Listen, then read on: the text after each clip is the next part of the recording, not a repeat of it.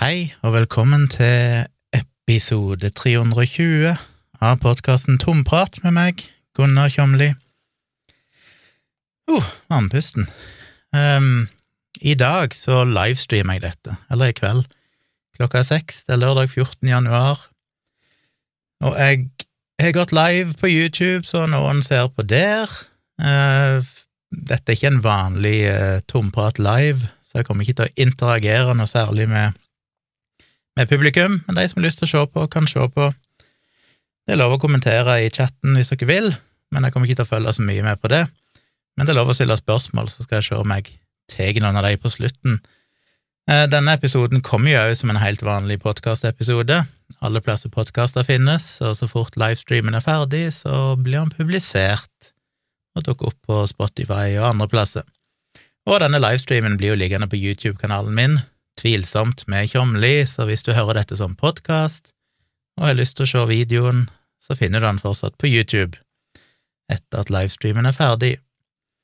Det jeg tenkte å snakke om i dag, er jo ikke veldig overraskende denne uka som er gått. Den var jo litt spesiell. Eh, det Jeg vet ikke, det er litt sånn eh, Det virker litt eh, mye, kanskje, å prate om det, for det er jo en bagatell egentlig, rutinemessig. Mange har opplevd dette. Ingenting spesielt, men allikevel, i mitt liv så var det jo en, en hendelse som var interessant, uh, og jeg vet at en del har fulgt med på, jeg har posta ting på Facebook og Instagram, så ja, tenkte jeg kunne gi en liten uh, oppsummering, ikke bare oppsummering, en gjennomgang av det som har skjedd siste uka. Fordi jeg har jo hatt ei uke på sykehus, som noen vet, andre kanskje ikke. Det starta mandag 9. januar.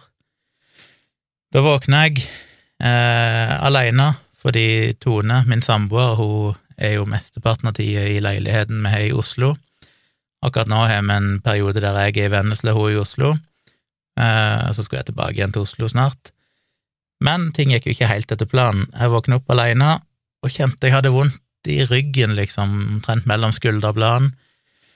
Og det gjenkjenner jeg jo, da mistenkte jeg jo fort, eller med en gang så tror jeg jeg bare tenkte at jeg lei litt sånn vondt på senga i natt. Men etter hvert så jeg reiste meg opp og kjente den ah, shit, det er ikke bare vondt i ryggen, det er vondt i brystet òg, så skjønte jeg at dette her er vel fucking skallestein. Og jeg har hatt Jeg hadde et nyresteinanfall for en del år tilbake, det var ganske ille. Havna på legevakten i Oslo og men da fikk de, selv om det tok lang tid, jeg ble kjørt med ambulansen fra leiligheten min ned til legevakten, kasta opp av smertene og alt det der, masse, mye, mye venting på venterommet, eh, før jeg kasta opp på nytt mens jeg venta, husker jeg, ned på legevakten. Og da jeg endelig fikk hjelp, som var en del timer etter at liksom, smertene hadde begynt, så fikk jeg to sprøyter, og det tror jeg var Buscopan, som er en sånn muskelavslappende, tror jeg, og eh, Voltaren én i hver rumpeballe, og da var det liksom fem minutter, så var nyresteinsmertene vekke. Og så var egentlig det problemet løst. Jeg fikk fortsatt litt vondt, og det er liksom sånn på høyre side, bak i ryggen, på en måte, nesten nærme korsryggen, får du smertene. Eh, neste dagene så kom de ganske sånn på klokka, klokka ni cirka om morgenen, kvart over ni. Men da tok jeg bare en Jeg gikk inn på do og tok en Voltaren stikkpille og dytta opp bak. Og så var det et kvarter, så var de smertene vekke, så kjente jeg ikke noe mer til de resten av dagen. Men neste morgen så kom de igjen, og det varte vel en tre-fire dager eller noe sånt, og så etter det så jeg aldri merka noe. Merka aldri at den nyresteinen passerte på noe vis, og smertene ble bare vekke. Så det var en slags lettelse ved vite at ok, hvis det skjer, så har de smertestillende de kan gi meg, som bare sånn bopp, så er smerten vekke.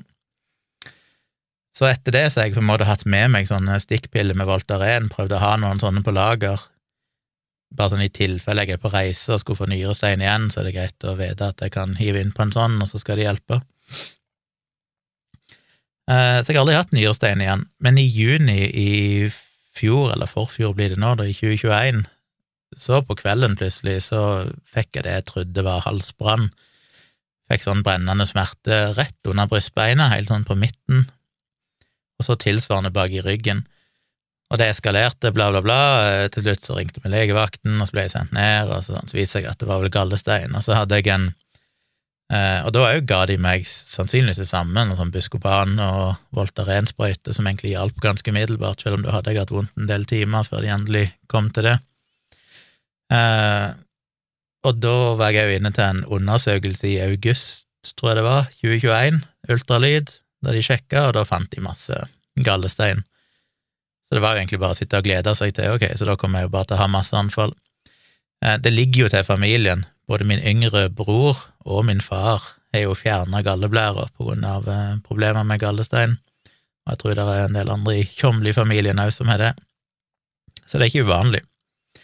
Eh, men så har jeg ikke hatt det siden. Det gikk liksom halvannet år, kjente ingenting. Men så, i romjula, så var det vel to episoder mens vi var i Oslo, meg og Tone, i leiligheten der, at jeg plutselig sånn en gang på kvelden, og så et par dager seinere, litt utpå dagen, så fikk jeg igjen de her, det som minner om halsbrann med en gang, med sånn brennende smerte midt under brystbeinet, og så akkurat tilsvarende sted på ryggen.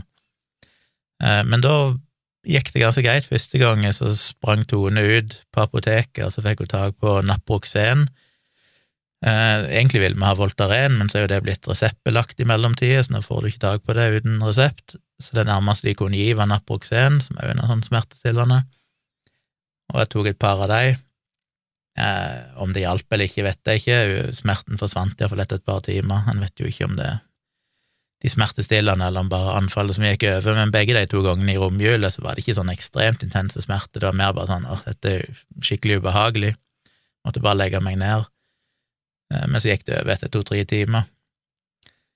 Så så jeg har ikke tenkt så mye mer på det, men så altså, nå på mandag, så kom det igjen, og denne gangen så var det et skikkelig, skikkelig anfall. Så jeg eh, våkna og oppdaga at dette her var skikkelig vondt, begynte å lete febrilsk etter Naproxen, og oppdaga at shit, vi kjøpte jo Naproxen i Oslo, men jeg har jo ikke noe her i Vennesla. Eh, men så tenkte jeg, tok jeg ikke med meg, pakka ikke med meg noe Naproxen når jeg reiste hjem på Oslo, sånn just in case. Så jeg begynte å rote rundt i datasekken min og sånn, og så ah, fuck, der fant jeg de. Så fant jeg, tok Naproxen, tenkte at dette blir bra. Ingen effekt i det hele tatt. Ble bare verre, Jeg begynte å skrive metodene på, på mobilen. Eh, fortalte hun at jeg tror jeg hadde gallesteinsanfall. Og så kasta jeg opp, ble så dårlig, gikk inn på do, bare sto og kasta opp i doen lenge. Og så klarer jeg å få rota fram Jeg gadd ikke ta dem først, for jeg tenkte jo først at det her kom til å gå over, sånn som det gjorde i romjula, men jeg skjønte jo etter hvert at ok, dette her er litt verre, så jeg fant disse stikkpillene med Voltaren. Ja, for mens vi var i Oslo i romjula, så ringte jeg faktisk eh, legen min i Vennesla, det vil si, jeg fikk ikke snakke med min egentlige lege, men én lege i Vennesla, som gjennom en telefonkonsultasjon gikk med på å skrive ut en resept på sånne stikkpiller med Voltaren Eh, sånn i tilfelle, for jeg, da hadde jeg jo hatt disse små anfallene, så det var jo sånn hvis jeg får skikkelig anfall, så vil jeg gjerne ha de.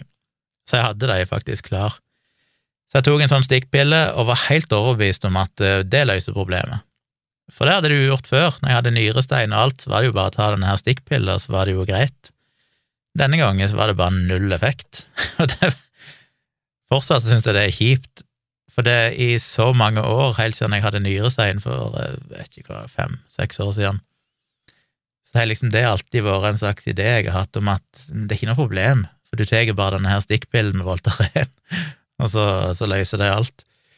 Så det var, jeg føler den der eh, magiske kuren jeg har hatt eh, i bakhovet i alle år, den fordufta plutselig.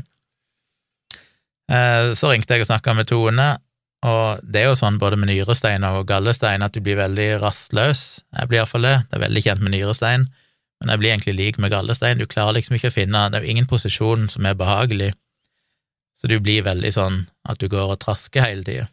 Du går rundt og rundt og klarer ikke å finne roen, klarer ikke å sitte, klarer ikke å ligge, alt er bare vondt. og smertene eskalerte. Så ble jeg enig med Tone om at jeg skulle ringe legevakten. Så jeg ringte legevakten og fortalte hva som var greia, at jeg hadde et gallesteinsanfall, og de ba meg komme ned så de kunne se på meg.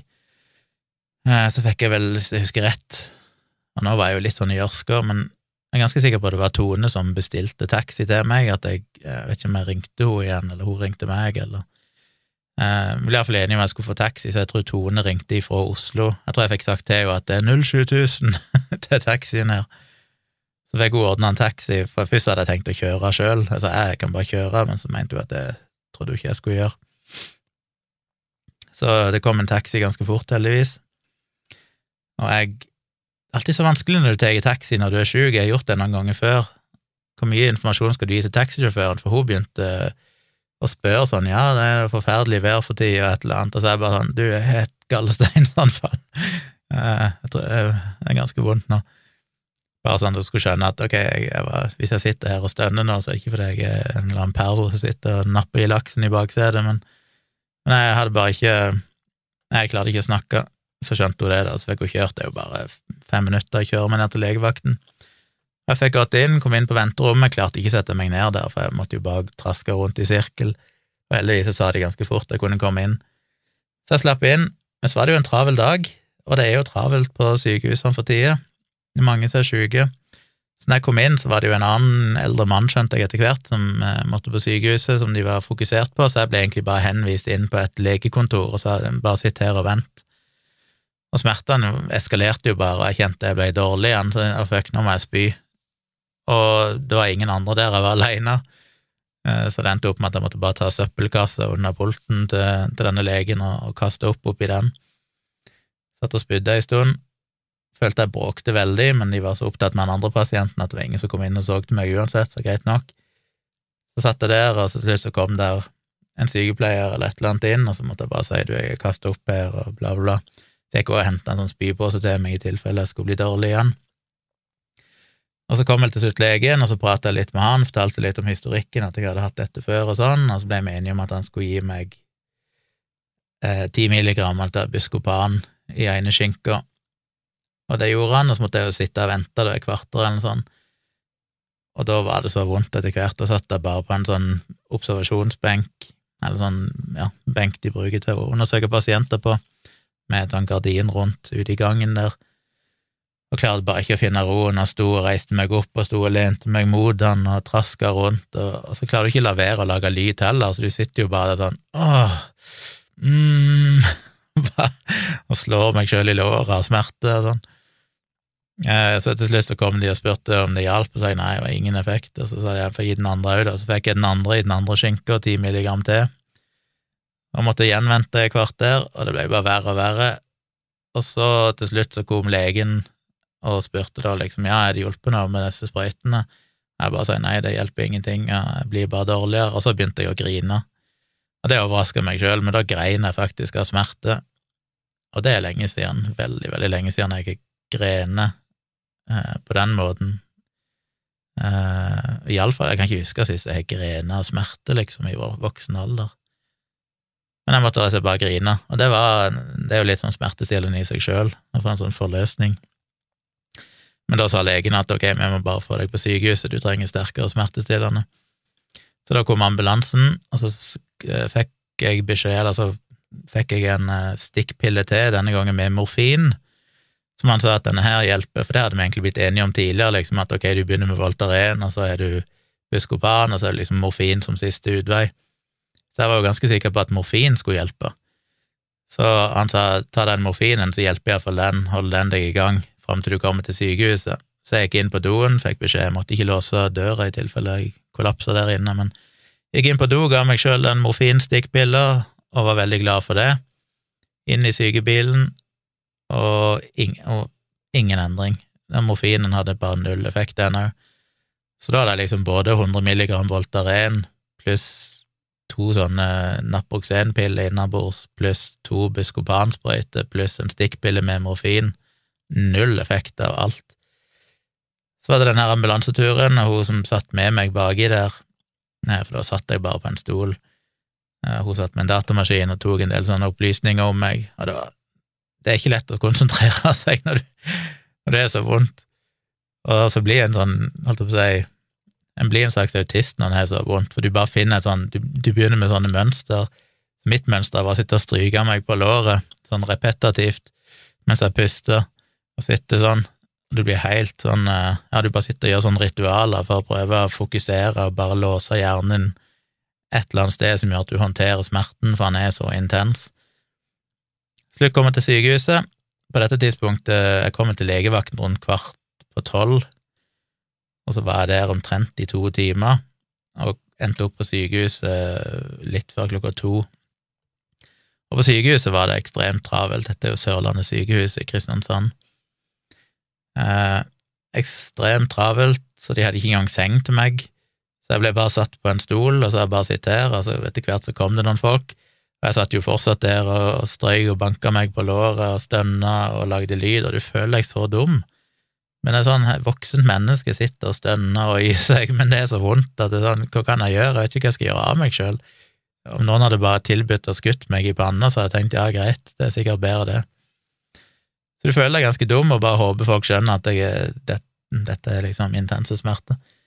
Jeg eh, ble satt på en stol, jeg husker ikke så mye av akkurat dette her. Jeg vet at det kom noen og tok blodtrykk, sjekka pulsen. Jeg fikk beskjed to ganger om at jeg hadde så lav puls. Eh, og så kom det vel flere, følte jeg. Jeg følte det bare kom en strøm av folk og stilte meg de samme spørsmålene. Jeg følte jeg fortalte gang på gang om sykehistorikken angående gallestein og familien og bla, bla, bla. Men det skjedde liksom ingenting. Fikk jo ikke noe hjelp med en gang. Ble bare sittende der, og så til slutt så kom de med en seng etter bortimot en halvtime eller noe sånt og så jeg kunne legge meg på den. Og så kom de og monterte sånn uh, veneflon i, i blodåra i armen her, med masse sånne ventiler så de kan koble til diverse ting og gi intravenøst, og så fikk jeg endelig, jeg tror sånn litt over ja, nærmere halv tre eller noe sånt, så fikk jeg omsider første dose med Oxynorm intravenøst, og det var det første som endelig hadde noe effekt. Eh, Fjerna ikke smerten på noe som vis. Det var sånn at det fortsatt var ekstremt vondt, men det tok liksom brodden av det, sånn at det ble sånn at ok, nå, dette er håndterlig. Eh, til slutt, og igjen så husker jeg ikke hva som skjedde her, men på et eller annet tidspunkt så ble jeg vel tydeligvis Jeg endte jo opp på et eller annet rom som jeg tilbrakte de neste fem dagene på, på sykehuset, der det først eh, måtte dele med en annen eldre mann, en stomipasient, tror jeg. Det er jo veldig rart dette her når du er på sykehus og ender opp i jeg husker når jeg hatt en, et par operasjoner tidligere i Oslo. Den ene gangen så hadde jeg en, en operasjon, og så ligger du der på rekke og rad med bare sånne dusjgardiner mellom deg, holdt jeg på å si. Og så kommer kirurgen inn og begynner å diskutere detaljer med, om operasjonen, som er ganske sånn intime ting og personlige ting. Og så når, når denne kirurgen var gått, så hører jeg plutselig fra nabosengen sånn Du, jeg må bare spørre, er du Tjomli? Å ja, da leste bloggen min. Det er sånn du føler ikke så veldig Du føler ikke personvernet er sånn supergodt eh, hensyntatt når du må ligge på den måten, og andre sitter og overhører. Og det er kleint begge veier, for jeg sitter jo og overhører alt som skjer med den pasienten på sida av meg, som da tydeligvis har fått innlagt noe sånn, eh, ja, sånn pose, sånn stomi, stomi, hva det heter for noe, pose ut på magen, og de drev og snakka om å lære han å tømme den, og at det kom ut både fram og bak, og konsistensen på avføringa hans, og når du allerede da ligger og er ekstremt kvalm på grunn av eh, av gallestein, så er jo ikke det så kult, men jeg delte iallfall rom med han, og lå der. Igjen var det mye venting, jeg sovna vel til slutt. Eh, så ble jeg vel trillet opp for å ta ultralyd. Da tror jeg klokka var om kvart over fem, og da var det fortsatt ganske store smerter, men igjen så fikk jeg Oxynorm hver gang jeg ba om det. Så hver gang jeg sa du kan få litt mer smertestillende, så var det bare sånn, ja. Og på dette tidspunktet så var jeg jo veldig usikker, for jeg hadde ikke fått noen informasjon, jeg ante jo ingenting hva som skjedde. Jeg visste ikke hva, hva liksom egentlig planen, skal jeg bli her, eller Og så er det jo litt med det at hvis ikke du er vant med å være på sykehus, hvis en er så privilegert, så vet en jo ikke helt hva som skal oppføre seg. Så jeg vet liksom ikke hva kan jeg be om, kan jeg be om smertestillende, eller må jeg vente til de kommer og tilbyr det, hvordan fungerer dette, hva, hva, kan jeg kreve, liksom? Men eh, etter jeg hadde spurt en gang, liksom, du, er det, det, er ganske vondt, er det mulig å få, og de sånn med en gang gikk og, og ga meg mer Oxynorm intravenøs, bare rett i blodet, så skjønte jeg jo at ok, jeg kan spørre om det, så det spurte jeg jo om gjentatte ganger, så jeg fikk eh, gang på gang så kom de jo med nye doser med Oxynorm for å liksom holde smertene nede. Så jeg ble tatt ultralyd, det var først de som drev og styrte rundt Og så sleit hun litt, tror jeg, jeg vet ikke hvorfor, men eh, etter hvert måtte hun be om hjelp, så det kom en annen, og så begynte en annen kvinnelig lege å kikke. Og satt og kikka lenge, og så ga det ikke så mye informasjon, men jeg syns hun sa vel egentlig bare at hun syntes ikke galleblæra mi så så hissig ut, så jeg tolka det litt, de begynte å snakke seg imellom om Virka nesten som de var litt usikre på om det var galleblæra som var problemet. Jeg hørte de nevnte pankreas et par ganger, jeg tenkte shit, jeg håper ikke det, det er betennelse i bukspyttkjertelen eller verre ting. Men eh, på dette tidspunktet så hadde jeg jo ikke spist, ikke drukket noen ting, for jeg våkna jo på morgenen, spiste jo ingenting, drakk ingenting, eh, annet enn det vannet jeg hadde tatt når jeg tok eh, tabletter. Og jeg fikk jo ikke lov å spise og drikke, for i tilfelle de måtte operere, så hele mandagen gikk jo uten mat fram til det tidspunktet. Etter ultralyden så var jeg fortsatt rådvill, jeg fikk jo, det var noen sykepleiere inne, jeg fikk jo beskjed om at jeg skulle få mer informasjon av en lege så fort de hadde fått eh, ja, samla seg litt. Men ingen lege kom, det var fortsatt vondt på kvelden, men jeg fikk igjen Oxynorm når jeg ba om det. Og så, litt etter klokka 20, på kvelden, så kom de og spurte om jeg ville ha noe å spise, som var en god ting i forstand at jeg endelig fikk mat og drikke. Eh, negativt fordi jeg skjønte at ok, da blir det ikke noen operasjon nå, iallfall. Men jeg fikk endelig et par brødskiver med ost og skinke og et glass med appelsinjuice, jeg tror jeg fikk en kaffe òg. Og etter hvert som sykepleieren kom inn flere ganger, og sånn, så sa de alltid at legen skulle komme litt seinere, men det kom aldri noen lege. Jeg ser at jeg av sånn chat jeg hadde med Tone, som jeg har brukt som notatene mine for å huske alt. Eh, for meg og Tone kommuniserte jo kontinuerlig på Signal, så hadde jeg jo vondt hele kvelden der. Så seint om klokka fire, så fikk, nei, klokka elleve så fikk jeg Oxynorm, og så midt på natta klokka fire om morgenen så ba jeg om mer Oxynorm. Så da hadde jeg jo hatt vondt i omtrent 24 timer. Så var det tirsdag 10. januar, hver morgen begynte jo med at de kom inn klokka åtte, tok blodprøver, og så kom legen på runde litt etter klokka ni. Eh, det var liksom fast, skjønte jeg etter hvert. Og sånn her eh, du har i armen, eh, kom de jo gjerne på natta sånn og drev og kobla inn og ut ting mens du sov, så det var ganske forvirrende, hele greia. Men eh, tok blodprøver, så kom legen litt etter klokka ni, og da sa de at blodprøvene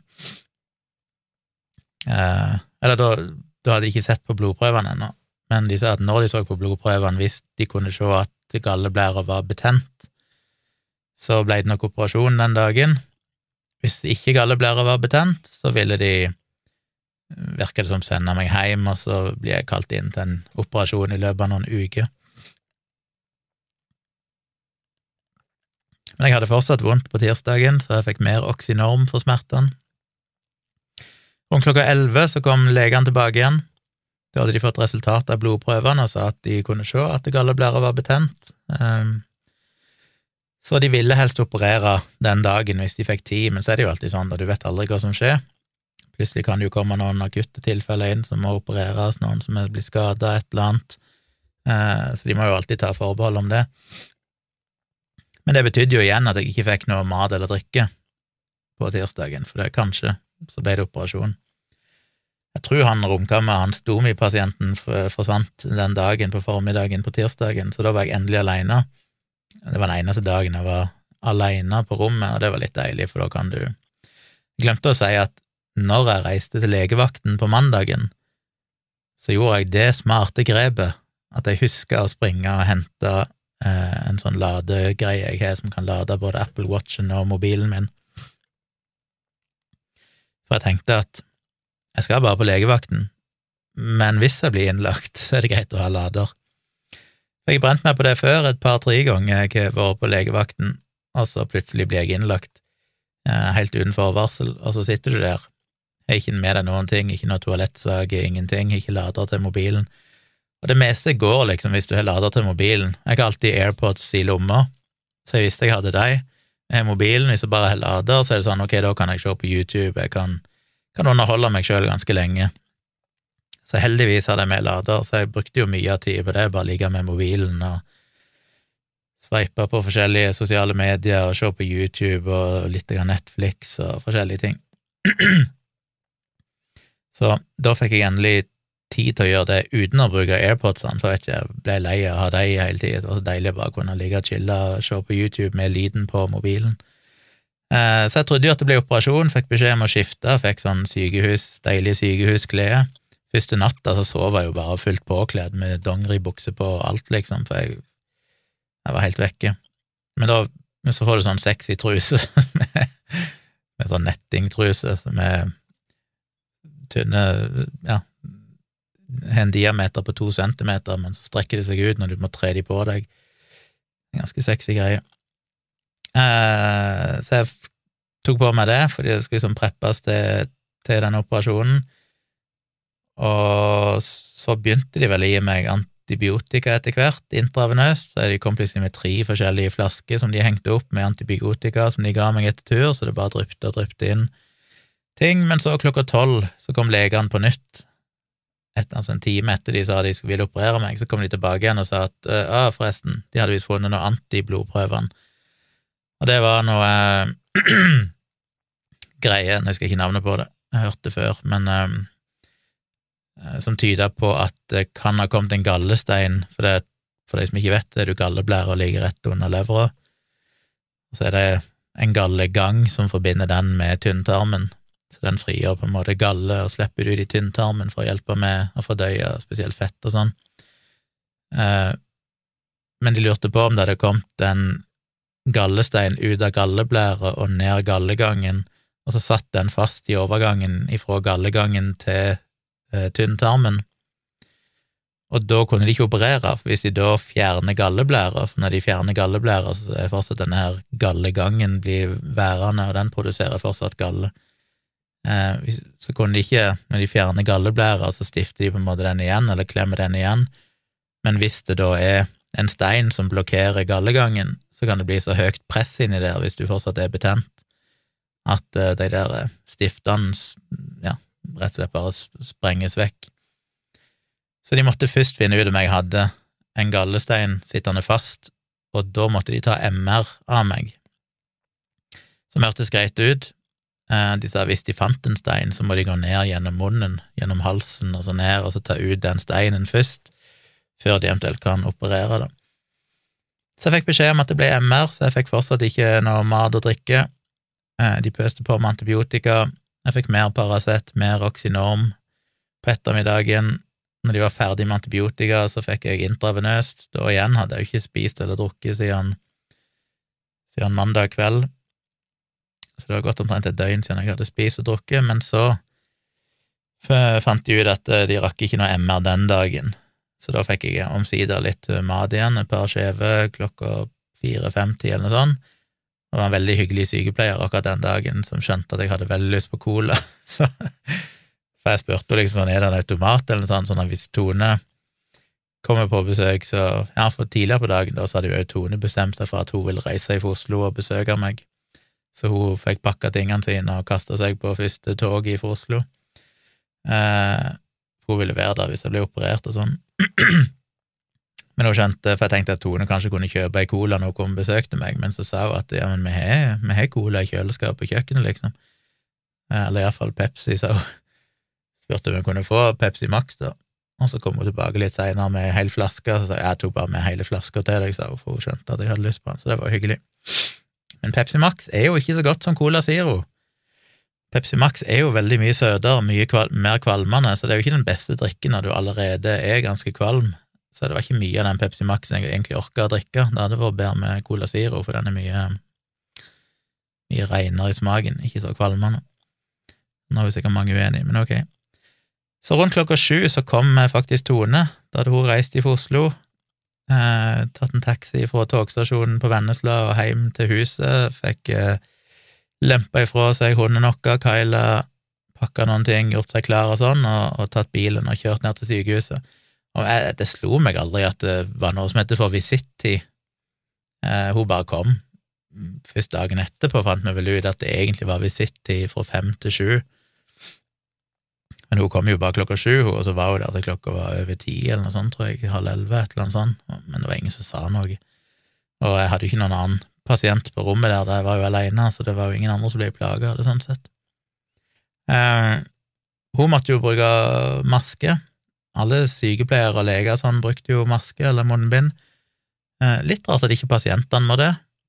Det var ingen som sa det til meg noen gang, at jeg måtte bruke munnbind, men alle andre brukte det, så jeg ble litt sånn burde jeg bruke munnbind? Og det var det som ga meg litt nøye av å være der, at jeg er så redd for å få influensa eller en ny runde med covid eller et eller annet sånt. Eh, foreløpig har jeg ingen symptomer, symptomer, men jeg føler jo at et sånt sykehus er jo den, den plassen det er størst sjanse for å bli smitta av noe sånt.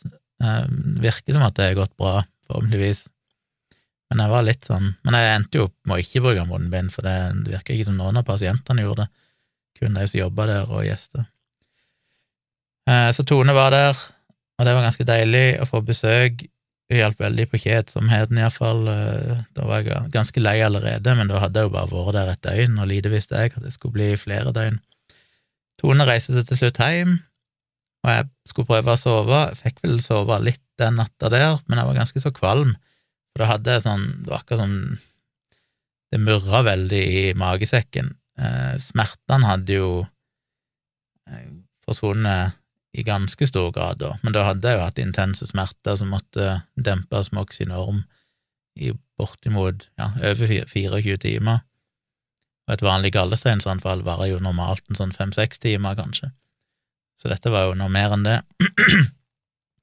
uh, ja, jeg sov dårlig et par ganger på natta, så ringte jeg etter sykepleier og spurte om jeg kunne få noe sånn antikvalmemiddel som de hadde tilbudt meg tidligere, men jeg hadde sagt nei til, men så tenkte jeg sånn, la meg prøve det. Så da kom de inn og ga meg noe sånn intravenøst sprøyta inn i armen, men jeg følte ikke at det hjalp. Men noen timer seinere så ba jeg om mer, bare for å se, for jeg tenkte sånn, hva kan jeg gjøre? Eh, men jeg følte ikke det hadde noe særlig effekt, men jeg fikk iallfall sove litt, selv om ikke det var så bra. Onsdag 11. januar kom det igjen eh, legevisitt på morgenen, og de sa at eh, jeg skulle inn til MR rundt klokka ett kom vel òg inn en ny romkamerat som hadde en eller annen syste eller et eller annet i halsen som var så ubehagelig å høre på. Åh, han kunne jo nesten ikke snakke, det, det hørtes så smertefullt ut. Må liksom dele lidelsen til romkameraten din òg hele tida, det er jo dobbelt, dobbelt ille. Men jeg var ganske lei da. Eh, var sulten, hadde ikke spist eh, den dagen heller. Uh, når jeg sier ikke spise en, altså jeg har jo fasta tidligere før operasjoner, men da er det jo som regel du faster etter midnatt den dagen operasjonen skjer, så det blir jo mindre enn 24 timer som regel med fasting. Uh, og hvis du ikke spiser på lenge, så kan du som i andre sammenhenger, ikke operasjoner, men bare sånn frivillig, hvis du har faste, så kan du som regel drikke enten te eller kaffe eller vann. Men her kan du ikke innta noen ting. Får ikke lov å tygge tyggis engang. Får ikke lov å ha en snus. Jeg spurte om det, du har tyggis, kan jeg bare tygge tyggis, for jeg følte meg jo så ekkel i munnen, og nei, ingenting, får ikke lov å ha noen ting. Så da blir jeg ganske dårlig, og på det tidspunktet så var jeg veldig surrete. Eh, da hadde jeg hatt smerter så lenge, jeg hadde vært kvalm, de hadde pumpa meg full av antibiotika kontinuerlig, kom de inn med mer, og liksom bare antibiotika, antibiotika, jeg hadde fått antikvalmemiddel, oksynorm, altså mye medisinering og sånn, og jeg var så lei, og jeg var sliten, jeg hadde sovet dårlig. Så jeg var jo virkelig på et dårlig sted mentalt. Eh, så kom de til slutt, jeg skulle ta MR, som jeg tenkte var helt greit. Aldri slått meg at MR skulle være noe problem, aldri gjort det før. Men bare aldri Det var liksom bare sånn Emma, ja, kult, jeg håper jeg får se bildene etterpå, liksom. Ble trilla ned et par etasjer, eh, som er jo alltid en sånn morsom greie når du er på sykehus, når du blir trilla rundt av disse portørene og er på utstilling til alle som sitter i gangene og venter, og vanlige folk, gjester som er der, og jeg vet ikke, du føler deg så dum alltid. Men iallfall, kom ned, ble trilla inn, fikk beskjed om å legge meg, kom inn på dette her eh, rommet med MR-maskinen, som er den her gigantiske, svære sylinderen du skal inn i. La meg ned, tenkte igjen ingenting over dette, det var liksom helt greit, fikk beskjed om å legge meg ned på dette brettet og så kom han med en sånn svær sånn bryst, eh, sånn svær plate som han la over brystet mitt og skulle stroppe fast på hver side. Så jeg basically lå med armene inntil sidene, helt fastspent på denne her plata. Så skulle jeg legge hodet bak i en sånn greie som mer eller mindre holdt hodet mitt fast. Og fram til da så var det liksom greit, jeg tenkte ikke noe mer over det. Men så skulle jeg liksom begynne, og så tok han på meg headset, for det er jo så bråkete, og headsetet var så stort, holdt jeg på å si, at når jeg skulle ned igjen med hodet, så ble hodet sittende helt fast. Så jeg ble plutselig bare der, oppdaga at jeg kan ikke bevege meg i det hele tatt nå, og så fikk jeg panikk. Total klaustrofobi. Og bare sa 'jeg må ut, jeg må ut, jeg må ut'. Og da hadde jeg ikke kommet inn i maskinen eller noen ting, jeg lå fortsatt på utsida, vi hadde ikke starta. Jeg bare sånn, dette, dette er, det er null sjanse at dette her går. Og han selvfølgelig 'ja, ja, jeg skal slippe deg ut', så han liksom begynte å løsne meg, men det kunne liksom ikke gå fort nok. Og jeg måtte bare opp og opp og puste, og var helt panikk. Og så snakka jeg med han, og sa bare at eh, ja, fortalte at jeg fikk klaus, og han var liksom sympatisk og sa ja, det er jo, det er jo ikke alle som liker dette, og bla, bla, bla. Eh, så skulle vi vel prøve igjen, så han skulle prøve en gang til, men denne gangen kunne jeg liksom ha armene på utsida av disse her selene, sånn han strappa ned brystet, men jeg trengte ikke å føle at armene var så låst. Men allerede med en gang han gjorde det, så var det bare sånn nei, nei, nei, jeg må ut igjen, jeg må ut igjen. Og jeg bare, det her går ikke. Og det var altså så irriterende, for for det første så kom det så overraskende på meg. Jeg har jo alltid sagt at jeg har klaustrofobi, men jeg har jo egentlig ikke fått utfordra det noe særlig siden jeg var liten. Eh, jeg har jo ikke sånn klaustrofobi der det er sånn at jeg ikke kan gå inn i en heis, for eksempel. Det er kun hvis jeg fysisk blir, føler at jeg ikke kan bevege meg. Det må liksom være på det nivået. Det er ikke små rom i seg sjøl, ikke så ille, men det, men det er det å føle at du sitter fast. Uh, og den følelsen har jeg ikke kjent skikkelig siden jeg var liten, i den tid det alltid var en eller annen slåsskamp, og så legger tre personer seg oppå deg for moro skyld, og du blir klemt i bakken, som jeg har opplevd noen ganger, da fikk jeg alltid panikk og var sånn Nei, kom dere kom dere vekk, dette er ikke morsomt, jeg må opp, jeg må opp, jeg må ha luft. Og den følelsen fikk jeg igjen. Så vi prata litt, jeg bare sånn, men jeg må jo gjøre dette, dette er jo noe vi, vi må gjøre. Så sa han ja, men um, vi, vi, får prøve igjen litt seinere når du har fått litt beroligende. Så sa jeg liksom ja, hva skjer hvis jeg ikke klarer det? Så sa nei, men det blir alltid å gå når du får litt beroligende. Og så ble jeg trillet opp igjen og måtte sende melding eh, til Tone, for det var vel ikke hun der, om at uh, det gikk ikke. Uh, og jeg var ganske satt ut, jeg klarte ikke Tone skrev til meg, men jeg sa jeg klarer ikke å svare, jeg må bare fokusere og puste nå, for jeg var så satt ut. Og så var det nesten som en sånn traumatisk opplevelse. Jeg fikk sånn flashbacks til jeg begynte å tenke på at jeg satt fast der i disse beltene, og så ble jeg helt sånn nei, nei, nei, nei. Og det er første gang jeg jeg, jeg mener eh, Dag Sørås og, og, Tone og andre jeg kjenner som vel har slitt med sånn panikkangstting. Jeg har aldri klart å sette meg inn i det før da, når det gikk opp for meg at det er jo egentlig det samme som klaustrofobi, på en måte, at det blir litt av samme greia, da du bare føler at nå dette går ikke, dette er helt krise, og du bare all overlevelsesinstinkt er bare sånn jeg må flykte, jeg må komme meg vekk, dette er helt krise. Det gikk plutselig opp med meg hvor jævlig det må være med sånn skikkelig panikkangst. Og hei, jeg, ja, det var ekstremt ubehagelig, og jeg følte meg så ekstremt dum. Og sånn, herregud, jeg vet jo at dette ikke er farlig, jeg skal bare ligge på en fuckings båre i 20 minutter. Eh, kan jeg ikke klare det, jeg er en voksen mann på 48 år, nå må jeg ta meg sammen. Men det er jo sånn, som sikkert med panikkangst eller angst og, og klaustrofobi, at du har null kontroll over det. Det er liksom ikke rasjonelt på noe selvsvis. Jeg skjønner jo at dette her ikke er farlig, jeg skjønner at det hvis det er bare for du får en sånn alarmgreie i hånda di når du ligger der så du kan trykke på hvis du må ut, og så vil de kjøre deg ut med en gang. Jeg vet liksom at hvis noe skjer, så kan jeg komme meg ut, men det er jo ikke sånn det fungerer, det er bare den der følelsen som er så totalt overveldende. Så jeg ble sittende og vente. Eh, heldigvis eh, så kom de allerede litt før klokka fire, så kom de en halv fire eller sånn, eller fire, jeg husker ikke. Så kom plutselig sykepleieren inn og sa her er det en Sobril, eh, så du skal, du skal ned igjen om en halvtime og prøve på nytt. Så ta denne Sobrilen. Jeg har vel aldri tatt Sobril før, jeg har aldri tatt noen sånne medisiner for angst så jeg visste jo ikke helt hvordan de virker.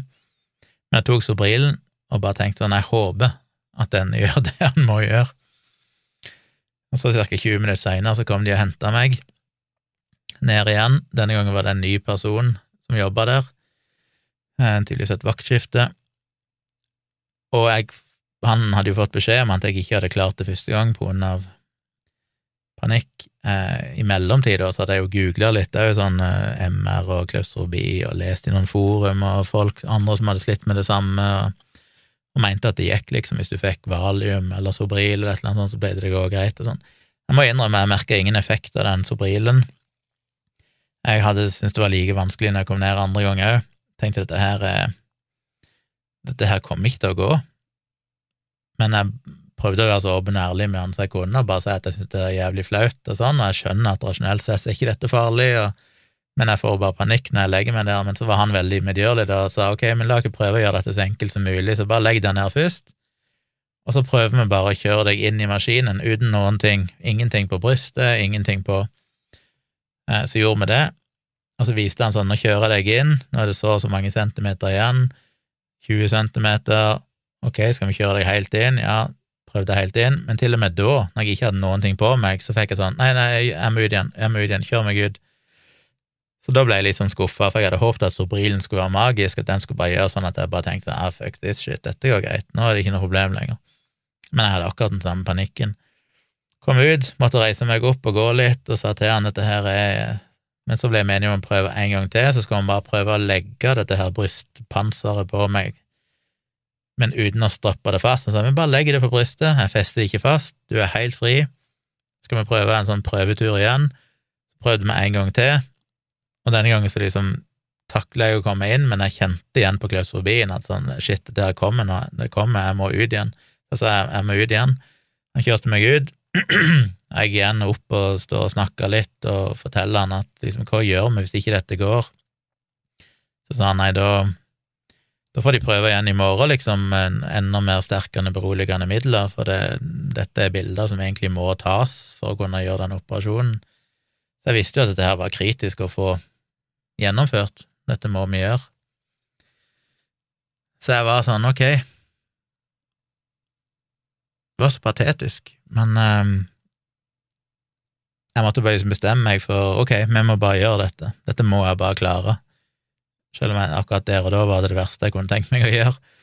Så jeg la meg ned igjen, men igjen, da selvfølgelig, eh, som sagt, han var jo veldig snill, la bare det her brystpanelet på meg, festa det ikke fast, så du ligger helt løst. Jeg hadde ikke noe sånn som festa hodet mitt fast heller, så jeg lå basically bare helt løst, kun med denne her oppå brystet. Fikk på headsetet, og så prøvde vi og jeg lukka øynene hele tida. Hvis jeg hadde sett og sett opp og sett at jeg lå inni denne her, for du ligger jo relativt nærme Jeg vet ikke hvor stor avstand det er, men det er 15-20 centimeter eller noe sånt fra ansiktet ditt til liksom kanten av denne innsida av denne sylinderen.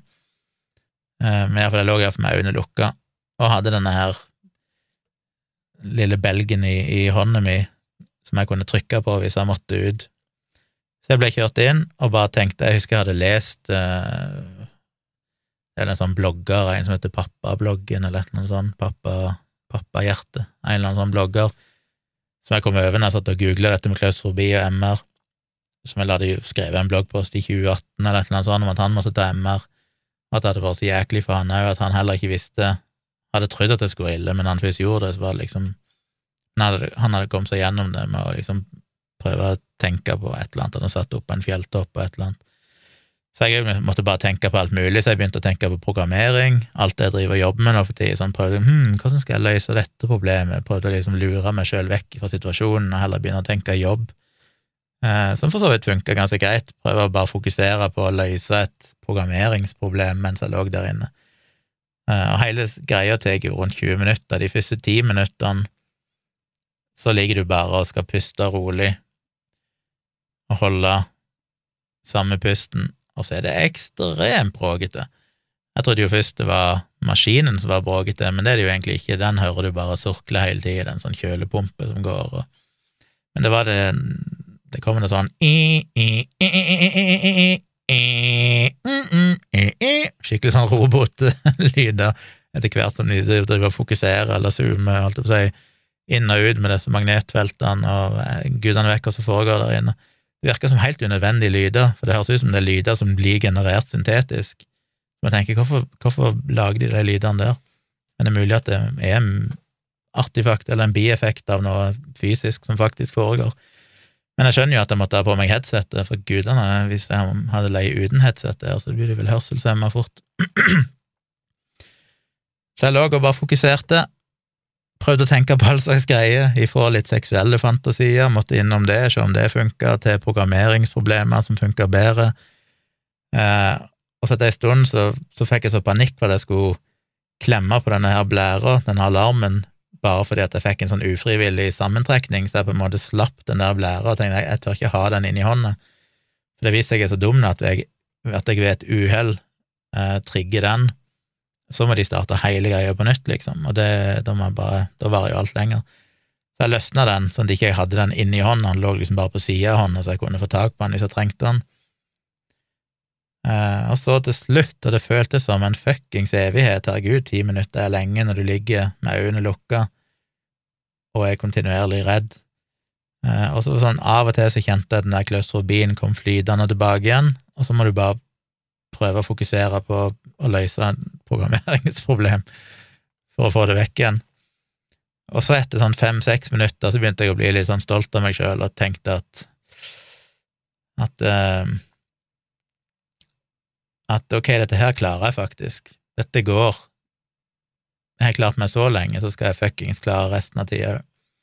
Så etter rundt ti minutter, når de er ferdig med de første bildene, så begynte han å snakke til meg med verdens weirdeste lyd inni headsetet, men da skulle jeg mer over til sånn greie der jeg måtte holde pusten, og så drev de og tok bilder, og så kunne jeg puste normalt igjen, og så etter en stund fikk jeg beskjed om å holde pusten igjen, eller trekke inn pusten og holde den. Så var det en del sekvenser med det, og så plutselig så hørt, jeg jeg hørte at noen kom inn i rommet, og så plutselig ble jeg kjørt ut igjen, og så var det sånn åh, jeg er ferdig. Og da var jeg så fornøyd med meg sjøl, for da hadde jeg vært så sikker på at det her kommer aldri til å gå. Eh, og da jeg liksom ble trilla opp igjen, og, og Tone hadde kommet i mellomtida og satt uh, ute i gangen ut forbi uh, rommet mitt og venta når jeg kom, så måtte jeg liksom bare opp med en arm i været og sånn yes, der gikk. Så det var deilig. Men hadde jo fortsatt ikke noe mat. Fikk beskjed om at det blir ikke noe operasjon i dag, de hadde ikke tid til det, men fordi eh, jeg hadde en betent galleblære, og de var redd det kanskje kunne skje noe som gjorde at jeg måtte hasteopereres, så så så så fikk jeg ikke noe mat. Så da hadde jeg ikke spist igjen på et døgn, hadde ikke spist igjen eh, ettermiddagen, altså på tirsdag og visste da at jeg fikk ikke lov å spise noe før torsdag, så det var litt sånn deprimerende, ikke å ha spist på, på, to døgn. Men torsdag 12. januar så tenkte jeg at i dag blir det forhåpentligvis operasjon. Jeg var jo spent på resultatet av denne her MR-bildene, hva egentlig de viste for noe. Viste de at det var gallestein som satt fast der, eller viste de at jeg hadde kreft i hele magen, eller Jeg blir jo alltid nervøs når jeg begynner å tenke på at de skal begynne å, ta MR-bilder av, av, indre organer, så frykter du bare de skal finne alt mulig rart. Men de kom og tok de vanlige blodprøvene på morgenen, som de gjorde hver morgen. Det var mye stikking. Eh, så kom legevisitten litt etter klokka ni, og da ga de vel beskjed om at eh, ja, det blir operasjon i dag hvis ikke blodprøvene viser noe, eller noe annet. Etter en stund så kom det en anestesilege innom og bare spurte om jeg liksom hadde hatt narkose før, om jeg tålte det, om jeg hadde noen allergier, bla, bla, bla. Det eh, var vel en lege til som kom innom for å prate litt, jeg husker ikke helt. Men jeg visste ikke når operasjonen skjedde. Det var liksom sånn de regna med det kanskje ble på ettermiddagen, kanskje tidlig i kveld. Ble det før det, så måtte jeg ta det som en positiv overraskelse. Selvfølgelig skjedde det noe annet, noen akutte tilfeller, så kunne jo selvfølgelig hele operasjonen bli forskjøvet til dagen etterpå, som på det tidspunktet virka helt sånn, dette her orker jeg ikke, nå har jeg vært her siden mandag, og nå var det torsdag, jeg trodde jeg skulle bare på legevakten på mandag, og i beste fall bli operert samme dagen, men nå var det liksom tre dager seinere, og fortsatt hadde, hadde jeg ikke blitt operert. Kom vel enda en ny romkamerat da, som òg hadde et eller annet problem med halsen, som var ubehagelig å sitte og høre på. Eh, men den formiddagen på torsdag så sov jeg en del, prøvde liksom bare å sove. Jeg har alltid sagt det at når jeg er på sykehuset, det er en av de få plassene jeg slapper av, for jeg har egentlig hatt gode sykehusopplevelser før. Denne gangen var det ikke spesielt greit å være på sykehuset, for nå hadde jeg første delen av oppholdet, så hadde jeg jo så intense smerter, og så fikk jeg òg så mye smertestillende antibiotika, og var kontinuerlig så var de inne og, og kobla om disse her greiene og fylte på noe nytt, og i årene mine. Jeg var veldig susete og hadde ikke fått dusja, ikke pussa tennene da på liksom tre dager. Eh, fikk jo ingen mat og drikke. Så i løpet av de fire dagene så spiste jeg jo fire brødskiver, liksom. Det var det jeg hadde, og to glass juice. Resten av tida var det jo ingen mat. Tidligere når jeg var på sykehuset, har jeg stort sett kunnet uh, få mat og få kaffe og ligge og chille, men denne gangen var det ingenting. Så jeg visste liksom ikke når operasjonen ble, så for å få tid til å gå, så prøvde jeg bare å legge meg til å sove, for det, det å ligge og høre på podkast var egentlig umulig, det å ligge og se på YouTube var umulig, for jeg følte meg følte meg bare dårlig og susete, jeg, jeg klarte ikke å nyte det å ligge og kikke på ting. Så jeg fikk vel sove litt den dagen, og liksom sove i sånn rykk og napp en halvtime, time om gangen. Og så midt på dagen en gang så satt jeg og skrev med Tone, og vi drev og diskuterte liksom når dette her blir, men så plutselig så kom de inn og sa ja, nei, nå skal du ned, så jeg måtte liksom bare febrilsk prøve å skrive til Tone sånn, nå kommer de og henter meg, og så måtte jeg gi fra meg mobilen og alt dette her, og, og sånn, uh, som var litt frustrerende, for jeg fikk liksom ikke gitt beskjed til Tone om noen ting. Jeg, jeg syns jeg registrerte hun spurte om hvor lenge var operasjonen, men jeg fikk jo aldri svart henne, jeg fikk aldri spurt noen, så tenkte han ja, ja, får, hun finner vel ut av det. Så ble jeg trilla ned til operasjonsstua, og da var jeg så glad, for det var sånn operasjon frykter jeg ikke, for da blir det jo lagt i narkose, det er jo bare fryd og gammen. Og det er jo en kikkhullsoperasjon, så de hadde jo forklart det tidligere, at de går inn med kamera i navlen, og så lager de tre huller som de går inn og romsterer rundt. De fyller jo bukhulen med CO2-gass for å blåse deg opp. Um, så de ser litt bedre mens de driver på, og så fisker de ut uh, galleblæra gjennom et av hullene.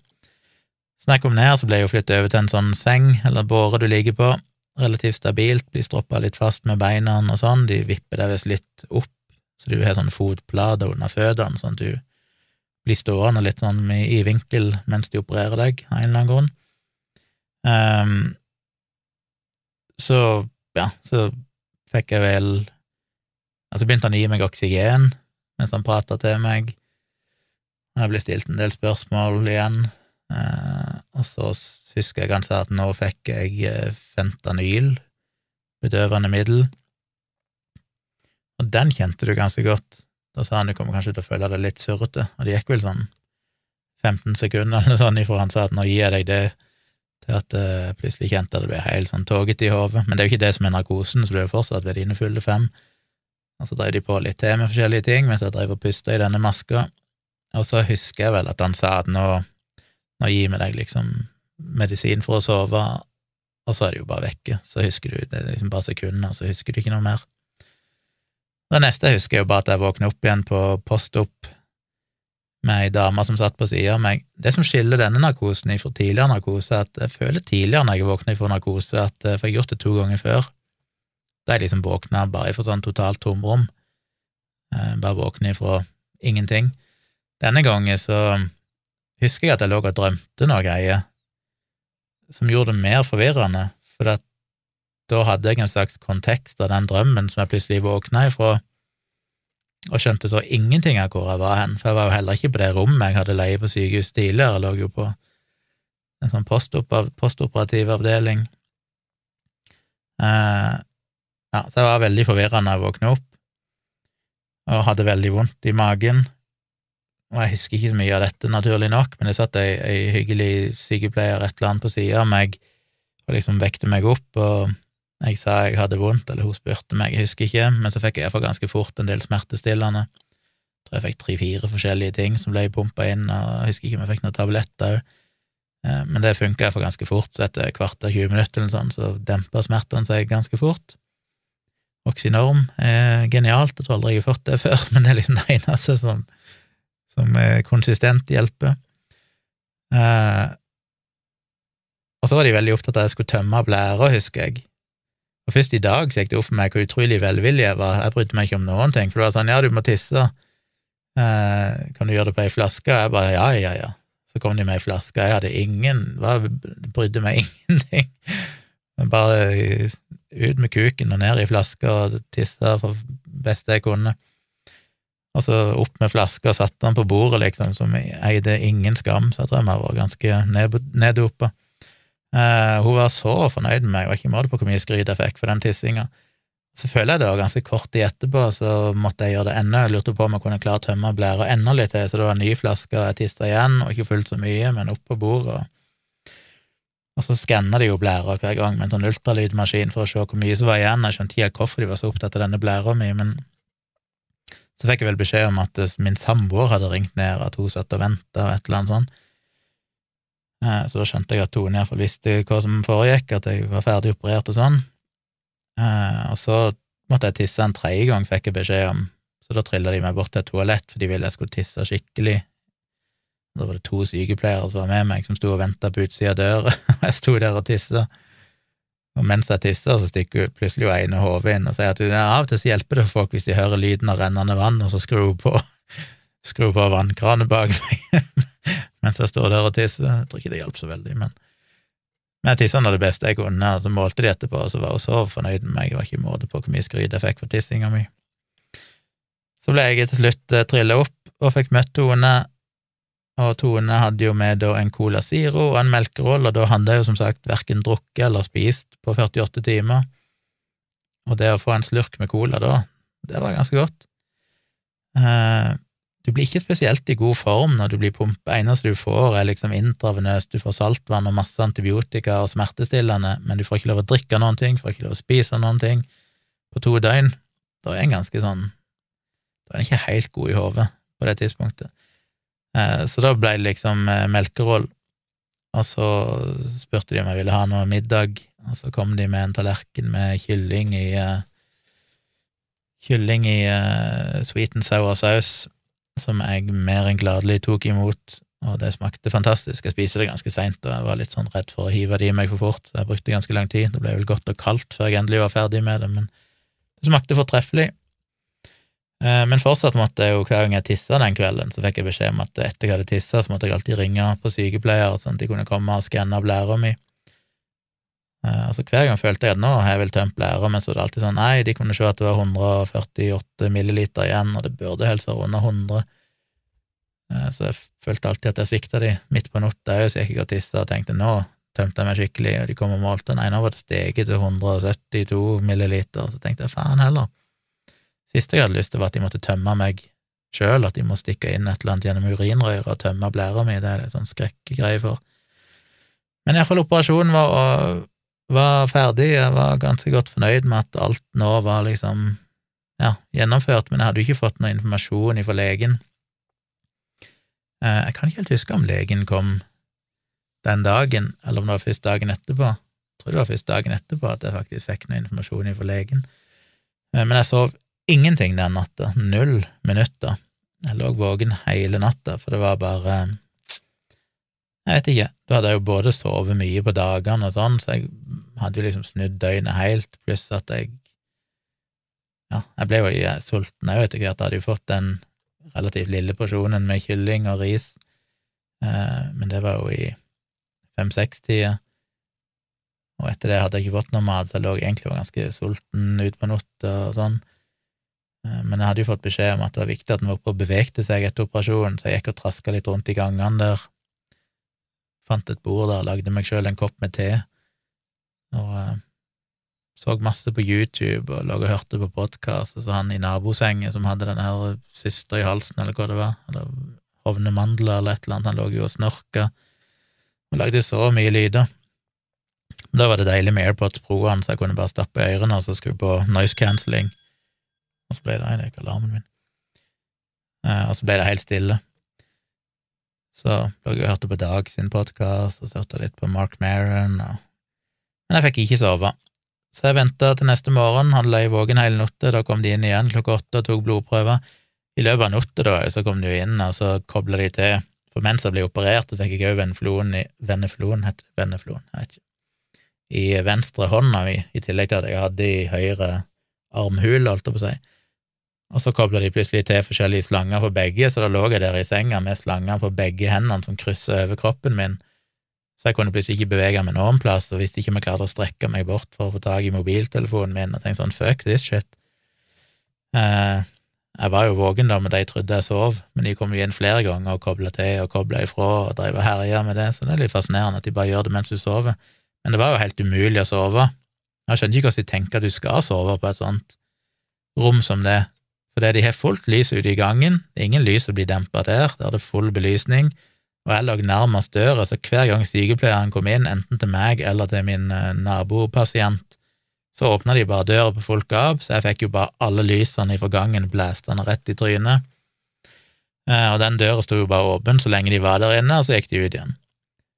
Og så er det kontinuerlige alarmer som går, det er piping hele tida. Eh, det er folk som snakker. Jeg husker første natt, så var det en eller annen pasient på naborommet som var helt Vet ikke hva han feilte, han bare lå og skrev ropte og sang hele natta som han var helt sånn forstyrra, og bråkte så sinnssykt. Det var helt utrolig at det, at det var greit. Eh, så det er jo helt umulig å få sove, egentlig. Det er sikkert mulig å få noe sovemedisin, men det har jeg aldri brukt i hele mitt liv, og jeg tenkte sånn det er kanskje ikke, vet ikke om det, vet ikke hvordan det funker, om det er noe du må ta i forveien, eller om du kan få noe som virker med en gang. Jeg tenkte ja, fuck det, jeg får bare ligge våken heller. Så det er ikke lett å sove når du har så mye ekstrem støy, får lys i trynet hele tiden, sykepleiere som går inn og ut og driver og kobler både på deg og medpasienten. Um, ja. Så det gikk ikke. Dagen etterpå så ble det tatt nye blodprøver, heldigvis var de fine. Legen kom inn og fortalte at galleblæra mi var veldig betent, uh, så det var godt de hadde fått den ut. Um, jeg er jo på en måte heldig, for jeg, jeg posta jo et par ting på Facebook og Instagram, og så det er veldig mange andre som har kommentert med sine gallesteinhistorier, eh, inklusiv da vet jeg jo min, min, bror og min far har jo fjerna galleblære, og, og, det er veldig forskjellig for folk. Jeg, jeg, tror på en måte var jeg heldig at jeg fikk et så kraftig anfall at de bestemte seg for å fjerne galleblæra med en gang, for det er veldig mange som sliter med gallesteinsanfall, som går over igjen og så får de egentlig bare beskjed om at ok, vi må, vi må fjerne galleblæra, men så må de kanskje vente i mange måneder før de endelig får fjerna den, og mens de venter, så er det mange anfall. Det var jo min største frykt, det, så jeg var jo veldig tydelig når jeg var der, på sånn, hvis dere kan ta den nå, så ta den nå, liksom. Jeg vil helst dere gjør det nå. Um, så det var egentlig flaks på en måte at jeg hadde et så kraftig anfall som varte så lenge at de skjønte at her er de nødt til å gjøre noe, og at ikke jeg bare ble sendt hjem igjen og så måtte vente i mange måneder. Så det var jeg heldig med. Men de sa jo at jeg hadde ei veldig stor galleblære. Jeg vet ikke om han bare er veldig stor, eller om han var veldig forstørra på grunn av betennelse. Jeg tror det første, fordi at eh, egentlig så skal de jo ta galleblæra ut av et av de relativt små hullene de brukte den kik kikkhullsoperasjonen Hva er det dette? Laparoskopi? um, men fordi den galleblæra var så stor, så måtte de åpne meg opp ekstra mye i navlen så det som egentlig bare skal være sånn lite hull i navlen, som vel egentlig er ganske usynlig fordi det er i navlen, det har jeg ikke fått sett ennå, for det er jo fortsatt stripsa ned, men der måtte de skjære en del mer for å få ut galleblæra mi. Så normalt så skal du ta det med ro og liksom ikke gjøre noen tunge løft og sånn de første to ukene, men jeg fikk beskjed om at jeg fikk ikke lov å gjøre det på fire uker. Så ingen snømåking, ingen tunge handleposer på butikken, ingenting sånn på en hel måned. Så det er jo litt eh, blir jo litt handikappa. Samtidig så skal du jo være i bevegelse og bruke kroppen og sånne ting. Så må prøve å finne den balansen. Jeg føler meg litt bedre nå, endelig. Nå er det jo lørdag kveld, eh, omtrent to døgn etter operasjonen. Føler meg ganske er veldig, veldig øm. Er litt bedre i dag. I går var jeg veldig tydelig opphovna, liksom, spesielt på navlen, så bulte de jo ut, for du kunne ikke opphovnet etter der de hadde operert. Eh, alle hullene, holdt jeg på å si, er jo sydd på innsida, og så er de bare lapper på utsida med sånne små plaster, holdt jeg på å si, som holder såret sammen så det skal gro mest mulig fint, og så oppå der igjen så er det en sånn bandasje som er teipa til huden, holdt jeg på å si, og de må du skifte sjøl etter du har dusja og sånn. Så etter hver gang jeg dusjer, så må de lufttørke, og så kommer Tone, og så tar hun av en og en, og så setter hun på en ny en. Så jeg har fått et tonn med medisiner, jeg har jo to forskjellige antibiotika jeg må ta, pluss Paracet, pluss eh, Voltaren, pluss at jeg har fått eh, Nobligan, som er en sånn Dramadol, som jeg har fått tidligere òg når jeg er operert med sånn veldig sterke smertestillende, eller iallfall relativt sterke, eh, som jeg ikke har tatt ennå, det er mer sånn du kan ta etter behov. Eh, ikke brukt det ennå, for jeg har egentlig ikke hatt noe smerte etter operasjonen. Jeg hadde kun smerte første kvarter etter jeg våkna fra narkose, men da fikk jeg jo smertestillende, og da ga det seg ganske fort. Etter det så har det bare vært mer ømhet, at du bare Du kjenner jo det når du bruker magen, at det, at det strammer, liksom, og det er litt sånn Ja, å si at det er vondt, det er en overdrivelse, det er mer bare ømt ubehagelig. Mer ubehagelig er det at jeg får så mange sånn ekstreme, idiotiske tanker i hodet mitt. Jeg ligger jo Etter operasjonen så lå jeg jo, fikk ikke sove fordi at jeg lå og tenkte på at å, shit, det er sikkert blitt noe levringer Du får jo dag, eller noen timer etter operasjonen, så kom de òg og ga meg ei sprøyte i låret med sånn blodfortynnende middel. Eh, og da begynner jeg alltid å tenke på sånn å shit, nå kommer jeg til å få blodpropp. Det er derfor de gjør det, vet du, så du får noen Blodet klumper seg et eller annet sted i et operasjonsår, og så plutselig løsner det, og så går det opp i hjernen min, så nå kommer jeg til å dø i løpet av natta. Jeg får så mange sånne katastrofetanker med alt det som kan gå galt, og så begynner jeg å tenke på nei, nå kommer organene til å gro sammen feil, jeg kommer til å få arrvev innvendig, og alt det som skal gå galt, det er så irriterende. Med erfaringen min med alt jeg har gjort tidligere, at det alltid har gått veldig bra. Eh, det går som en drøm, som regel. Eh, men det er ikke noe særlig smerte. Men jeg tar jo ganske mye smertestillende, så jeg vet jo selvfølgelig egentlig ikke helt. Men, eh, men ja, så det skal jeg vel ta i ukas tid eller noe sånt. Skal ta antibiotika i fem dager. Og det er ekkelt, de antibiotikatablettene er så åttitalls, for det er sånn skikkelig svære, hvite, jævlige tabletter. Så må jeg jo ta nesten ti forskjellige tabletter om gangen, så jeg må bare sitte og hive innpå. Sånn. Skal ha fire antibiotika, og to Paracet og en Voltaren. Åh, det er ekkelt. Jeg har aldri hatt noe problem med å ta medisiner, men når det blir så mange og så store tabletter som skal tas samtidig, så er det utrivelig. Men det må jeg visst eh, klare å komme gjennom i fem dager. Så det skal vel gå. Um, ja, jeg tror egentlig det var alt, så da er jeg her. Overlevde det. Veldig letta for at jeg fikk ut den galleblæra. Det er liksom en bekymring mindre. Når du har først hatt sånn anfall, så er det jo alltid sånn i jobbsammenheng. Jeg har alltid tenkt sånn hvis jeg er bryllupsfotograf, hva gjør du da hvis du får et sånn anfall? Da er du ganske fucka. Eller hvis du er på en reise, hvis du er på en flytur over Atlanteren eller et eller annet. Altså alle, Det å slippe å ha den, den, lille risikoen for at det skal skje akkurat på sånn kritiske punkter i livet, er veldig greit. Jeg har fortsatt den risikoen med, med nyrestein, selvfølgelig. Statistisk sett så vil jeg jo få det igjen òg en dag, så det er jo bare å glede seg. Eh, kan jeg jo håpe at Voltaren stikkpille fortsatt hjelper mot det. Jeg har hatt en sånn diskusjon på Facebook om hva som er verst. Det har jo ei venninne som har hatt pankreatitt noen ganger. Det er ikke veldig hyggelig. Eh, jeg har sjøl hatt nyrestein, jeg har sjøl hatt eh, gallestein slash galleblærebetennelse. Eh, så de tre tingene, nyrestein, gallestein og pankreatitt, er jo de tre tingene de ofte sier er verre enn fødselssmerter. Så jeg har jo ikke prøvd pankratitt, heldigvis, og jeg har ikke prøvd å føde. Men det ble en sånn liten debatt på Facebook, for jeg skrev en liten sånn spøk om det. Og det er klart det er vanskelig å sammenligne, for at eh, små Eine sa at du kan ikke bare føde én gang, du må føde flere ganger, for hver fødsel er forskjellig. Eh, og det er jo mange damer som skriver det at de har hatt både gallestein og født, og gallestein var mye verre enn å føde. Og, og så er det et par som sier at nei, de syns fødsel var verst. Men flertallet av de damene som har gjort begge deler, ser ut til å være enige om at gallestein er verre enn å føde. Men så er det jo det med gallestein òg, at det er jo forskjellig. For som jeg sa, jeg hadde jo sånne mildere gallesteinsanfall i romjula. Og du vet jo aldri når folk sier de hatt gallestein, hva de mener. Hvis det er det de har hatt, så er, jo det, så er jo ikke det spesielt ille. Det er jo vondt, og hvis ikke du vet hvor vondt det kan bli, så tror du kanskje at det er det som er et gallesteinsanfall. Tilsvarende med det jeg hadde i juni 2021, som jeg endte opp på legevakten. Det var jo ekstremt vondt, men det var fortsatt mindre vondt enn det jeg hadde denne gangen den gangen så hjalp jo faktisk smertestillende. Eh, ja, da gjaldt det jo til og med Voltaren, liksom, og til og med, da trodde jeg jo det var ille. Men det var jo ikke, og det gikk jo òg over mye fortere enn denne gangen, for denne gangen varte det jo i over et døgn.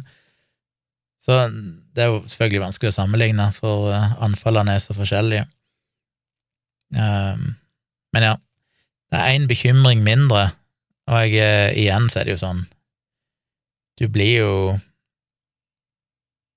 en får jo en del perspektiver. En, en, tenker liksom, for det første, når du ligger der på sykehuset Én ting er å bli veldig inspirert. Da begynner jeg å tenke at åh, oh, når jeg kommer tilbake igjen, så skal jeg lage YouTube-videoer, jeg skal spille inn podkast, jeg skal bli alt det du skal gjøre, for at du tenker bare sånn Du setter så pris på det å være frisk, plutselig. Så det er jo en positiv ting. At du setter jo veldig pris på at, at hvor mye hvor herlig det er å være frisk. Samtidig så begynner jeg, for jeg har jo masse katastrofetanker, tenker på alt som kan gå galt eh, som er ganske deprimerende. Um, og så blir en jo glad for at, spesielt når de kom alle disse flaskene med antibiotika, liksom hang tre flasker, og jeg fikk intravenøst, så begynte jeg å tenke på jeg begynte å tenke på Shabana Rehman, og du begynner å tenke på kreft, ikke sant, og tenker sånn, å, jeg, skal, jeg må jo, uansett hvor kjedelig og ubehagelig dette er, så er det iallfall ikke cellegift jeg ligger overfor. Så en får de tankene òg. Så du får perspektiver i alle retninger. Dessverre så glemmer de ofte det etter noen få dager, så er plutselig alt tilbake igjen til normalen. Men, um, men det er godt det hadde gjort. Jeg har overlevd. Det er jo en bagatell. Det er jo nest etter blindtarmsoperasjoner, så er jo gallestein, eller galleblærefjerning visstnok, det mest vanlige operasjonen de gjør. Så dette er ikke spesielt unikt. Og ene sykepleieren der sa at det var liksom sesong for galleblære nå, de hadde visst inne så mye pasienter som hadde gallestein, så det er vel kanskje en konsekvens av julemat og feid julemat og et eller annet. Eh, men det var visst tydeligvis eh, det nå. Jeg tror jeg leste at det var vanligere hos kvinner enn menn. Jeg lurer på om nyrestein er vanligere hos menn, mens gallestein er vanligere hos kvinner, faktisk. Usikker om det er sant, eh, eller om jeg husker rett, men jeg tror det var noe sånt. Så så det er nå så. Men jeg har hatt begge deler, så det er jo veldig kult. Men jeg har iallfall én bekymring mindre. Så det var min lille historie, som jo er ikke spesielt uh, viktig, men jeg synes det var greit å bare dele de dagene med dere. Det er alltid gøy å mimre litt om sånne opplevelser. Og det var jo en slags unnskyldning for hvorfor det ikke ble en episode av Tomprat, verken på tirsdag eller fredag, nå som jeg endelig sa at nå skal jeg prøve å komme tilbake igjen i vanlig rutine, og så så ja. Det kom et spørsmål her eh, på livestreamen om eh, hva er konsekvensene av å fjerne galleblære.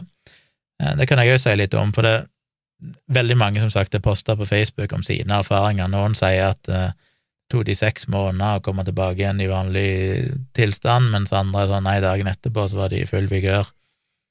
Så det er veldig individuelt. individuelt. Eh, ifølge de, den formelle informasjonen er jo fått sånn informasjonsskriv som jeg fikk på sykehuset, der det sto litt om gallestein og hvordan operasjonen er, og hva du må gjøre etterpå, alt dette her. Det er det jo veldig tydelig på at det har egentlig ingen konsekvenser. Du kan fjerne galleblæra. Betyr egentlig ingenting. Eh, det jeg har hørt tidligere, er liksom sånn, ja, siden gallen er en del av det som bryter ned fettet i fordøyelsen, så kan du få mer problemer med fettholdig mat og sånn. Eh, ifølge det informasjonsskrivet og ifølge legen som jeg spurte om dette, så sa han at det er noen som kanskje i de første ukene, kanskje noen måneder, så kan de oppleve at avføringa er litt mer sånn fettete eh, hvis de har spist feit mat, men stort sett går det over, det tilpasser seg, for greia er jo det at du har galleblæra og gallegangen som går ned i tynntarmen, og at selv om du fjerner galleblæra, så produserer fortsatt gallegangen eh, galle, og egentlig like mye galle som før, og kanskje til og med enda mer i en periode, eh, sånn at du produserer fortsatt galle selv om du fjerner galleblæra. Så egentlig i utgangspunktet så trenger det ikke ha noen konsekvenser. Men det er jo mange som har skrevet at for deg så fikk de, måtte de plutselig fikk de problemer med fordøyelsen en periode, og bla, bla, bla. Jeg har ikke merka noen ting fortsatt, det er jo to dager, jeg har levd, levd i to dager uten galleblære. Eh, spiser som normalt, egentlig gått på do som normalt. Så nå har jo ikke jeg inntatt de heftigste måltidene ennå, så jeg får jo se. Men, eh, men, i utgangspunktet så trenger det ikke bety noe. Men igjen, folk er forskjellige, for noen vil det kanskje ha en konsekvens, eh, for andre ikke. Og kanskje er det bare midlertidig i en overgangsperiode. Men i prinsippet så trenger du ikke galleblæra. Den er jo egentlig bare en, en jækel som er der for å samle opp steiner som bare skaper problemer, så vi skulle heller bare dritt, droppe hele den fuckings galleblæra ifra starten av. Galleblære, blindtarmbetennelse og milten, hva skal vi med de? Bare fjerne de ved fødsel, operere de vekk ved fødsel, så hadde vi spart eh, mye problemer. Ja, hvis ikke det er noen andre som har noen spørsmål i livechatten, hvis dere har det, så må dere bare fyre løs nå, så skal jeg svare. Hvis eh, andre har noen spørsmål, så går det jo selvfølgelig an å, å sende meg mail på tompratpodkast at gmail.com, som er min vanlige mailadresse. Eh, denne podkasten Tomprat den kommer jo i utgangspunktet ut et par ganger i uka, normalt på tirsdager og tors... Nei, fredager. Tirsdager og fredager. Jeg prøver jo å ha en, en livestream i ny og ne, som heter Tomprat live, som egentlig ikke er sånn som dette, der jeg spiller inn podkasten, men som bare er en livestream der jeg sitter og snakker med de som ser han, ser han, stiller spørsmål på livechatten, jeg svarer, snakker om ting. Så det går òg an å følge med på, så bare abonner på YouTube-kanalen min hvis dere er interessert i det. Um, det tror jeg var min historie. Jeg tror ikke jeg har så mye mer å si. Jeg gidder ikke å snakke om noe mer enn det i denne episoden. Jeg har en del punkter til neste episode. Jeg har fått hyggelige mailer, eh, ting jeg skal ta opp, så jeg får se om jeg kommer med en normal episode igjen allerede på, på tirsdag, der jeg har mer normalt innhold. Men jeg fikk lyst til å bare sende ut denne podkastepisoden ut i verden, sånn at det var gjort, og den ligger jo som sagt på YouTube på Tvilsomt med Tjomli, YouTube-kanalen, for de som har lyst til å se det der. Sitter veldig henslengt i stolen her nå, for det Ja.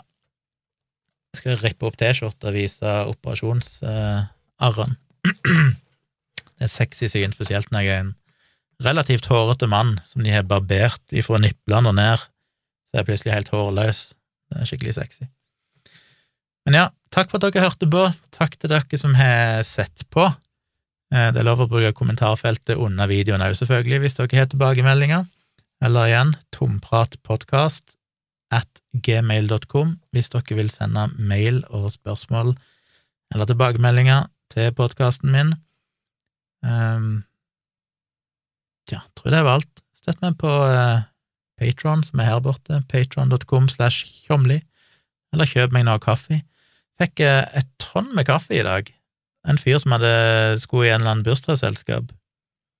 Og så hadde han fått beskjed av bursdagsbarnet om at folk, bursdagsbarnet ville at folk skulle gi heller en gave til en god eh, sak, heller enn å gi bursdagsgave til han.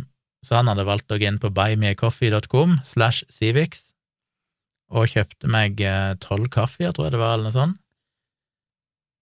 Han mente det var en god sak, sette opp om kritisk tenking og vitenskap og det jeg driver med som jeg jo syns er helt fantastisk hyggelig at noen eh, tenker på det. Selvfølgelig litt forferdelig, jeg mener kunne redda mange barn i Afrika, sikkert, men jeg håper han gjør det òg. Eh, så hyggelig. Så det går an å gjøre hvis dere vil støtte det jeg driver med, buymeacoffee.com slash civic. Det er ikke noe som dere, Den er ikke bare tilgjengelig mens jeg streamer og sånne ting, den er alltid der, så det går alltid an, å gå inn og kjøpe kaffe til meg hvis dere vil. Virtuelle kaffer. Men eh, ekstra hyggelig om dere blir Patrion på patrion.com slash tjomli, og der finner dere jo både bonuspodkaster og videoer med foredrag og lydbøkene mine og diverse ekstra innhold eh, som er veldig god støtte. Anyway, da tror jeg jeg runder av.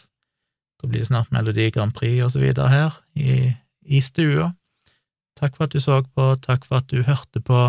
Jeg er tilbake igjen med en vanlig podkastepisode snart, hvis jeg ikke døy av blodpropp eller et eller annet i mellomtida.